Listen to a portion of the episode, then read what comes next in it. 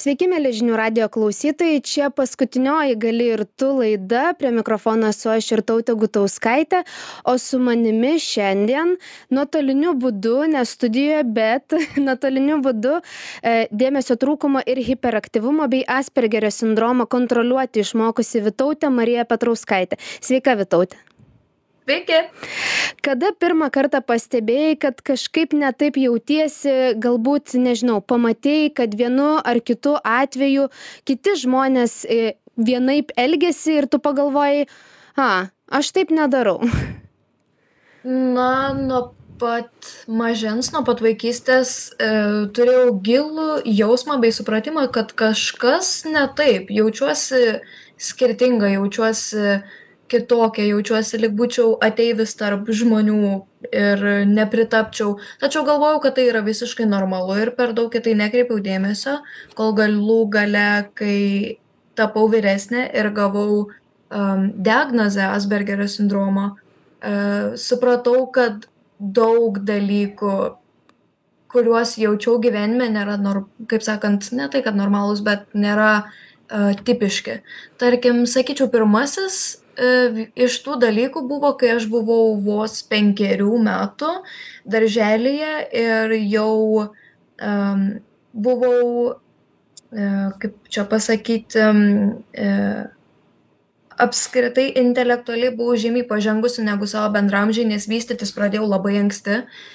Ir uh, turėjau, atsimenu, žaidimo tvarką prie e, dirbtinės virtuvėlės, tokios mini virtuvėlės su mini visokiais vaisiais ir daržovėmis ir aš turėjau susidėjusi receptą, puodus ir viską pagal tvarką, viską išsidėliojusi ir norėjau žaisti su savo tuo metu geriausia drauge ir ji pastoviai bėgiodavo nuo manęs ir nesekdavo žaidimo tvarkos ir nesuprasdavo pagrindę, kas vyksta, nes žinoma, suvokimas penkiamečiai yra primityvus, o aš tai priėmiau kaip įžeidimą kai buvau vos penkerių nes galvojau kad jis manimi nenori žaisti. Tai sakyčiau čia buvo pirmoji kaip sakant mano autistiška patirtis. Bet tuo metu vat būtent kaip sakai penkerių ir supratai atėjo tas supratimas ar ne? Taip būtent tada aš ir pagalvojau ha tikriausiai aš esu kitokia. Nežinau kuo bet išsiaiškinsiu Mhm. Ir tai vat būtent pakalbėkim apie tą, ar ne, laikotarpį, kaip tu išsiaiškinai, kaip atėjai į žinojimą, kad vis dėlto turi Aspergerio sindromą, kada kreipėsi į gydytojus, ką pirmiausia iš jų išgirdai? Na, e, pirmą kartą išgirdau um, hipotezę ir teoriją Aspergerio sindromą savo, kai buvau 16 metų. Uh, iš psichologės pas kurią pradėjau lankytis dėl depresinių simptomų sezoninių. Ir aš tuo nepatikėjau. Dėl to kad turiu brolį su asbergerio sindromu. Ir pas berniukus jis pasireiškia drastiškai skirtingai. E, su psichologe dabar dirbu ir mes aptarėme kad pastebėjome kad yra ir hipo ir hiper pusė hiper dažniausiai lenkiasi mergaitės ir kai kurie berniukai hipo dažniausiai berniukai ir kai kurios mergaitės. Hipo kai esi ramesnis labiau nesupranti socialinių normų esi labiau atsiribojęs nuo pasaulio e, čia labai abstrakčiai pasakoju nes yra daug niuansų. O hiper pusėje kur aš esu e, esame ganėtinai ekstrovertiški net nepanašu kad mes nemokame bendrauti ir turime socialinių deficitų bet bendrai jungiantis dalykas yra diskomfortas sensorinis. Mes esame baisiai per jautrūs žmonės viskam garsams kvapams. Tai vat ir kai išgirdau tą diagnozę ir turėjau vienintelį pavyzdį ir visuomeniškai apskritai yra dažniausiai matomi berniukai toje hipo pusėje kaip asbergerio sindromo turėtojai bei kaip sakant veidai um, aš to nepatikėjau. Ir praėjau kelis metus kol mano depresiniai ir nerimo simptomai pradėjo stiprėti. Nesupratau kodėl. E, dėl to kad neturėjau nei liūdnų minčių nei nerimaujančių minčių tiesiog buvo fiziniai simptomai kuriuos man pastoviai gydytojai sakė kad tai nerimas bei depresija bet aš nesupratau iš kur kaip jeigu aš negalvoju apie tam tikrus dalykus kas yra būdinga kaip aš galiu turėti tuos simptomus kažkas nelogiška. Ir praėjusi per daug daug daug sunkumų daug fizinio bei neurologinio skausmo ir buvo labai sudėtingi praeiti ypač metai. Galų gale 20 metų, tai yra šią vasarą, e, oficialiai gavau Aspergerio sindromo diagnozę ir mano depresiniai bei nerimo simptomai bei mano kabutėse panikos atakos pasirodo buvo elementarūs autistiški išlydžiai bei užsidarymai ir tai buvo šokas. Tai oficialiai gavau 20 metų, bet sužinojau 16. Mhm. Tai iš tikrųjų kelias toks buvo, na, gana sunkus, nes, kaip sakai, e, pirmiausia, į akis krito visai ne tai, tik tais po to atėjo ta diagnozė. E, kaip manai, kodėl taip įvyko, na, kodėl taip sunku buvo gydytojams e, taip oficialiai pasakyti, kad turi tą sindromą? Na, visų pirma, dėl to, kad Lietuvoje, kiek žinau, yra tik dvi specialistės, kurios specializuojasi autistiškų suaugusiųjų diagnozėje.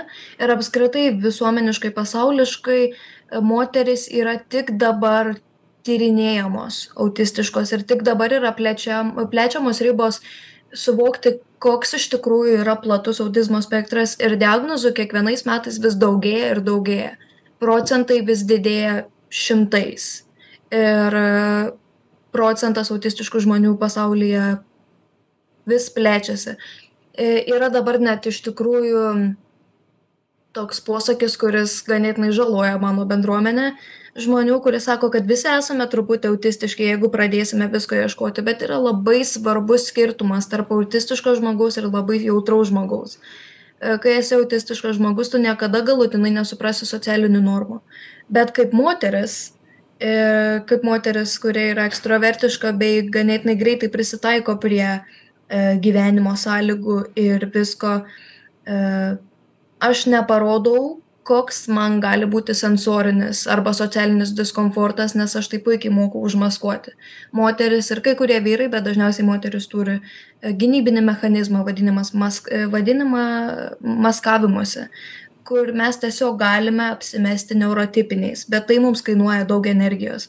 Ir kadangi didžioji dauguma, e, kaip vadinamų, aukšto funkcionavimo autistiškų žmonių sugeba maskuoti, jie praslysta pro diagnozės pirštus ir dažniausiai sulaukia perdegimo, kas e, kainuoja labai daug energijos, sveikatos problemų sukelia, e, chroniško skausmo bei lygų e, nuo tiesiog elementaraus streso ir net dažnai yra statistika, kad tai dažnai liūdnai pasibaigia net savižudybėmis tarp autistiškų žmonių. Ir elementariai maskavimas ir pripratimas prie visuomenės ir ypač su Aspergerio sindromu, kadangi tai yra autizmo forma, bet su vidutinio arba aukštesnio intelekto uh, gabumais, jį tiesiog praslysta pro pirštus ir neįmanoma atskirti, kur yra neurotipiškas žmogus ir neneurotipiškas žmogus. Tai manau, e, taip pat ir gaunasi, todėl vat, žmonės tik dabar yra diagnozuojami kaip aš. Kai kurie diagnozuojami iš viso 40-50 metų. Esu kalbėjusi su moterimis, kurios buvo diagnozuotos 30, 40, 50. Tai yra tiesiog tik dabar tyrinėjamas pilnai dalykas. Mhm. Iš tikrųjų įdomu, atrodo, kad moteris tiesiog praslysta pro pirštus, kaip pati sakai. Iš tikrųjų, taip tiesiog atrodo diagnostiškai praslystame pro pirštus. Ar sužinota diagnozė pakeitė tavo gyvenimą? Nes pirmą sakėjai, pirma reakcija buvo šokas. O kaip jautiesi dabar? E, dabar jaučiuosi liktai visiškai, liktai visiškai paaiškina ką aš jaučiau ir kuo aš esu kaip žmogus. Aišku, turėjau praeiti per, per daug to, kaip sakant, gedulo stadijų, e, nuo pykčio iki liūdėsio, iki atstumimo, e, teko patirti visko labai daug. E, tačiau dabar man diagnozė yra tiesiog elementarus paaiškinimas, kodėl aš jaučiuosi taip, kaip jaučiuosi ir kodėl man, tarkim, sunku yra parduotuvėse apsipirkinėti. Arba kodėl aš negaliu per daug bendrauti su žmonėmis nepažįstamais, nes jaučiu lyg man žemė slysta iš po kojų kartais kaip esu pervargusi kodėl man aptirpsta galūnės kai aš esu um, perspausta sensoriškai kai per daug garso. E, tiesiog tai daug ką paaiškina ir man suteikia įrankių kaip susigyventi su tuo ir kaip um, reguliuoti save Mhm. Būtent apie tuos įrankius tavo ir pakalbėkim, e, kaip kontroliuoji e, Aspergerio sindromo, va tos simptomus, kaip sakai, kas tau padeda, kokie būdai, kokie metodai. Na, jų kontroliuoti iš esmės neįmanoma, nes tai yra vis dėlto sindromas neurologinis, kuris yra nuo gimimo iki pat mirties bet kas man padeda su tuo susitaikyti ir su tuo tvarkytis, tai visų pirma, priimti visiškai savo diagnozę ir priimti visiškai savo būvį, priimti toks, koks esi ir koks gali būti.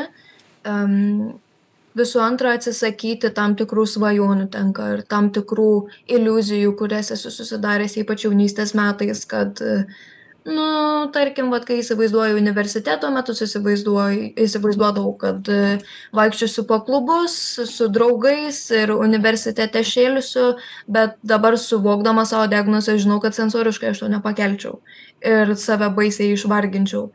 Tai tenka daug ko atsisakyti ir pripažinus bei atsisakius e, trečias žingsnis sakyčiau yra atpažinti savo um, trigerius savo kaip sakant trigerius bei stimus. Trigeriai tai yra dalykai, kurie tave erzina, kurie tave nervina, kurie, kurių tu netoleruoji. Kokie kvapai netoleruojami, kokios spalvos, galbūt tekstūros, kokios e, atmosferos, e, kokios temperatūros yra netoleruojamos, kad galėtum ne kiek jų išvengti, o kiek su jomis susidūrusi žinoti, kad aš dabar naudoju labai daug savo energijos čia išbūti ir man reikės pailsėti po to. Arba aš atsisakau čia eiti vien dėl to, kad žinau, kad sensoriškai mano sistema to negali pakelti. O stimai yra save stimuliuojantis elgesys, tarkim, kaip um, su rankomis kokie nors veiksmai, už plaukų tempimas, už ausų tempimas. E, yra tam tikri žaisliukai, kuriuos gali naudoti save stimuliuojančiam elgesiui, nes taip išlėjai energiją ir įdedi kažkur savo susikaupimą, kas tau padeda funkcionuoti apskritai ir susikaupti ties sukaupti savo ir taip išsilaksčiusi dėmesį um, vienu srautu. Ir labai svarbu žinoti, kokie stimai tinka tau asmeniškai, kad galėtum pasinaudoti jais kasdienėme gyvenime, mažinti ypač nerimą. Mhm. Tai iš tikrųjų yra tų būdų, kaip uh, iš esmės tai, kad tu pasakoji, man atrodo, kad yra būdų, kaip apsaugoti save, uh, nuo tam tikrų dalykų ir būtent tai padeda tiesiog na žinoti ar ne? E, paminėjai keletą iš tikrųjų dalykų ir man įdomu sužinoti būtent kokio kokios tekstūros tau nepatinka kas tave erzina kas yra tie tavo trigeriai Na, kadangi vaikystėje tiesiog galvojo mano tėvai bei um, giminės, kad aš esu labai uh, tiesiog labai jautri meniška mergaitė. Tai visų pirma numeris vienas mano trigeris ir stimas yra garsai muzika. Aš esu e, muzikantė dvylika metų klasikinės muzikos esu pabaigusi dabar. Mano pagrindinė specialybė yra klasikinis operinis dainavimas. Ir man dalykai kurie gali mane labai apraminti tai dažniausiai klasikinė bei apskritai įvairi muzika. Aš turiu visur vaikščioti su ausinėmis ir dalykai kurie mane gali labai sutrigerinti tai yra įvairūs garsai. Labai nemėgstu vilniuje troleibusų cypimo. Toks jausmas lyg man drasko ausis arba nemėgstu pastovaus pasikartojančio beldžiančio garso. Atrodo kad kažkas paima su tuo plaktuku beldžia ne į sieną kokį vieną o tiesiai man į smegenis. Nes pas mus tai yra trisdešim vos ne šimtą kartų jautresnė patirtis. Įsivaizduokit um, nagus ant mokyklos lentos, bet šimtą kartų stipriau. Tai perkrečia visą kūną. Dar labai nemėgstu įvairių kvapų, um, negaliu pakesti indaplovės kvapo. A. Nežinau, kaip paaiškinti tokios drėgmės kvapo arba pelėsio kvapo. Jis atrodo mane net supykina. Ir tiesiog negaliu būti vietose, kur yra per drėgna. Tarkim, rūsiuose manęs nebūna. Aš jų vengiu. gal ir gerai aš nematau irgi rūsių žavesio kažkokio tai tai tikrai ir aš neeičiau tenais. E, užsiminei apie muziką tai būtent ką šiuo metu veiki žinau kad dar ir studijuoji pedagogiką. Ar galėtum plačiau papasakoti apie tai kodėl apskritai rinkaisi tokią specialybę ir ir kaip tau sekasi studijuoti Na, studijuoju muzikos pedagogiką Vytauto didžiojo universitete, e, pagrinde dėl to, kad e, gavau stipendiją. E, pasiūlė stipendiją skambindami įvairioms muzikos gimnazijoms bei muzikos mokykloms. Skambino direktoriai ir paklausė, ar turite pasiūlyti mokinių. Ir kadangi chore aš patikau direktoriai, nes mūsų direktorė chorvedė mane labai mielai įsiūlė ir labai džiaugiuosi šią galimybę šią galimybę gavusi.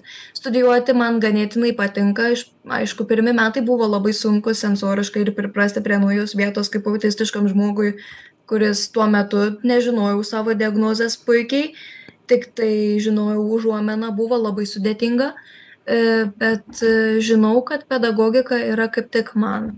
Dar E, laisvalaikiu aišku be studijavimo ir be dainavimo nes tai yra mano visas gyvenimas dainavimas praktiškai. Esu psichikos sveikatos ambasadorė su žvelk giliau iniciatyva ir plečiu kalbą apie psichikos sveikatą ir bandau normalizuoti autistiškumą bei um, autistišką patirtį ir bandžiau, bandau ją, kaip sakant, dalintis. Ir mano galutinis tikslas iš tikrųjų yra ne tik dalintis, bet kokiu nors būdu pasiekti tikrą sisteminį pokytį. Nes, žinoma, mes abi suvokim, kad kalbėti galima kiek norim ir galima e, šnekėti apie savo patirtis ir dalinti savo patirtimis, bet tol kol aš šneku aš suvokiu kad yra sistemos sudėtos vietoje kurios kenkia autistiškiems vaikams mokyklose.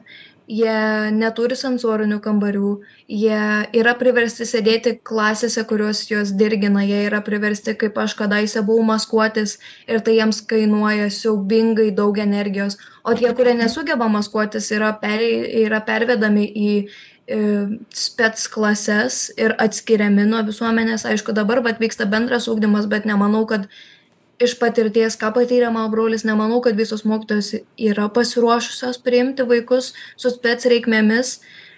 Ir yra reikalingas didelis pokytis. Ir aš siekiu ne tik dalintis bet galų gale ir sukelti šiokį bei tokį sisteminį pokytį bei požiūrį į autistiškus žmones kad mes ne tik čia ir mes ne tik čia egzistuojame ir ne tik mūsų tokia patirtis bet kad mes visi gyventume lygiomis žmogaus teisėmis pagal europos sąjungos standartus jūs privalote atsižvelgti į mūsų patirtį o ne tik mūsų išklausyti Mhm.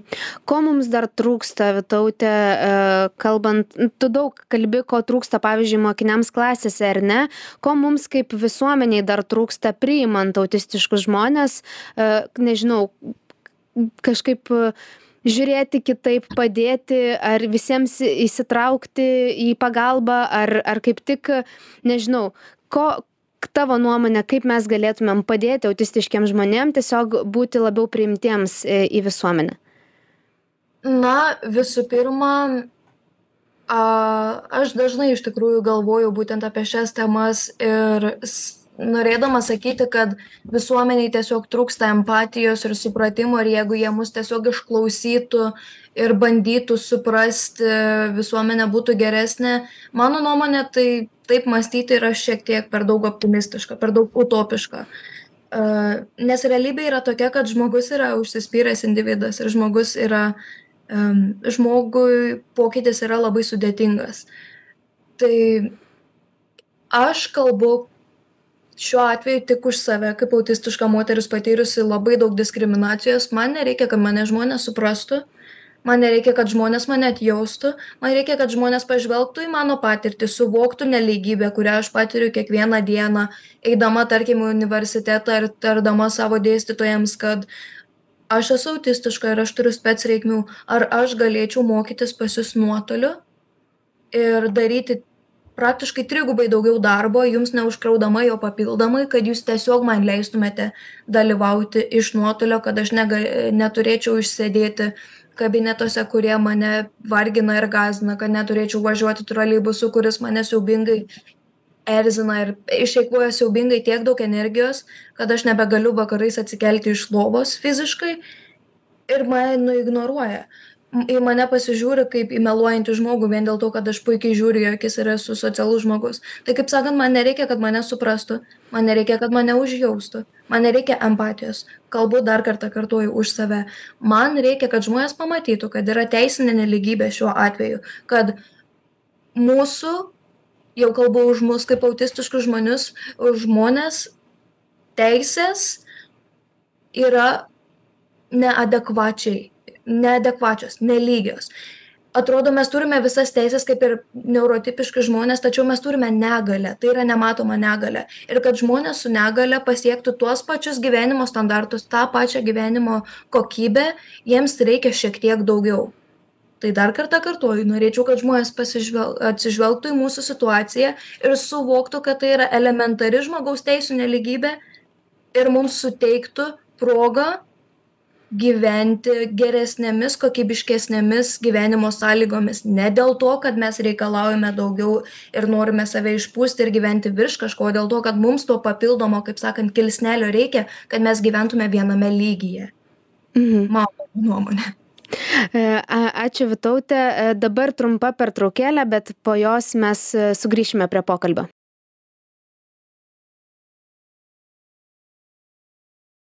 Grįžtame į studiją, mėly žinių radio klausytojai. Čia laida gali ir tu. Ir mes tęsime pokalbį su Vitautė. Kalbame būtent apie autistiškus žmonės, e, kaip jiems sekasi gyventi mūsų visuomenėje, e, su kokiais sunkumais jie susiduria ir būtent e, su kokiais sunkumais susiduria Vitautė. Bet apie tai mes jau šiek tiek pakalbėjome, aš noriu pakalbėti galbūt apie malonius dalykus, ką tu veiki laisvalaikiu, kai nesimokai, kai, na, stengiasi atsipalaiduoti, stengiasi pailsėti nuo viso to, ką tu patyrei per visą dieną, o tu patiri ir jauti labai daug. Tai kaip tu leidi savo laisvalaikį? Na, visų pirma, mano laisvalaikio numeris vienas veikla yra susijusi giliai su mano e, mokslais. Tai yra klasikinis dainavimas. E, visada mėgau operą, visada mėgau klausytis Mezo TV su močiute pasvalyje. Ir sėdėdavom prie televizoriaus ir mano močiutė sakydavo, jetus kaip gražu. Ir man tiesiog atsimenu, akytės spindėdavo žiūrinti tas operos gyvas.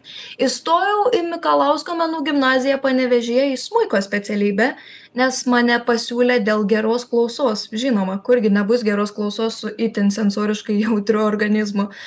Ir pragrau dešimt metų, bet paskui nusprendžiau pereiti klasikinį dainavimą ir tai tapo sakyčiau, viena didžiausių mano gyvenimo dalių. Tai yra mano hobis, tai yra mano uh, aistra, tai yra viskas, ką aš mėgstu veikti. Dar esu kačių entuziastė. Labai mėgstu kates, turiu du. Vieną katiną, kitą katytę, kuri vat, laksto kambaryje, ji labai jaunutė ir jai labai dėmesio reikia. Ir e, mėgstu atsipalaiduojant po sensoriškai sunkių dienų užsidėti ausines, klausytis klasikinės muzikos dažniausiai ir spoksoti į lubas. Labai sensoriškai atpalaiduojantis veikla. Tiesiog spoksai lubas ir įsivaizduoji, kad pasaulis aplinkui aptirpsta. Ir kad visi tie sensoriškai patirti dalykai, kuriuos patyrei per dieną, tiesiog dinksta. Labai gera atsipalaidavimo technika, kurią rekomenduoju ypač autistiškiams bei ADHD žmonėms. Tai yra e, e, sensoriškai atsijungti nuo pasaulio, užsidedant ausines, kurios blokuoja garsą, e, užsidėti ant akių kokį nors raištį, kuris blokuoja šviesą, užsidėti kokią nors apsunkinančią paklodę ir tiesiog pabūti toje erdvėje. Galit per ausinės dėtis muzikos, galit nesidėti muzikos, bet tiesiog, kad būtų nors penkios minutės jūsų dienoje, kur jūs nepatiriat uh, jokių sensorinių trikdžių bei stimulacijų. Tiesiog nulis stimulacijos. Labai patariu, man labai padėjo daug tai su nerimu. mhm ačiū vytaute už patarimus dar trumpai apie ateitį ką planuoji veikti ateityje kokia tiesiog tavo ta svajonė nors prieš tai sakei kad reikia šiek tiek susimažinti tas turimas svajones ar ne bet vis tiek tu jų turi ir tikrai matau tai kokios tos tavo svajonės ir ir ir kas tavęs laukia ateityje? Na mano sakyčiau didžiausia svajonė yra tapti klasikine dainininke per brūkšnelį mokytoja. e, norėčiau man patinka labai būti ant scenos man patinka būti prieš kameras. E, nemėgstu labai plėstis kaip žmogus ir nelabai mėgstu būti viešas žmogus tačiau man patinka linksminti žmones man patinka dainuoti žmonėms man patinka paliesti žmonių širdis su ypač klasikine muzika ir bandyti suteikti jiems nors dalelę to paties jausmo kurį aš jaučiu dainuodama. Tai mano didžiausia svajonė galbūt sakyčiau dabar būtų sudainuoti lietuvos operos ir baleto teatre. Čia jau labai didelė svajonė bet galbūt kada nors.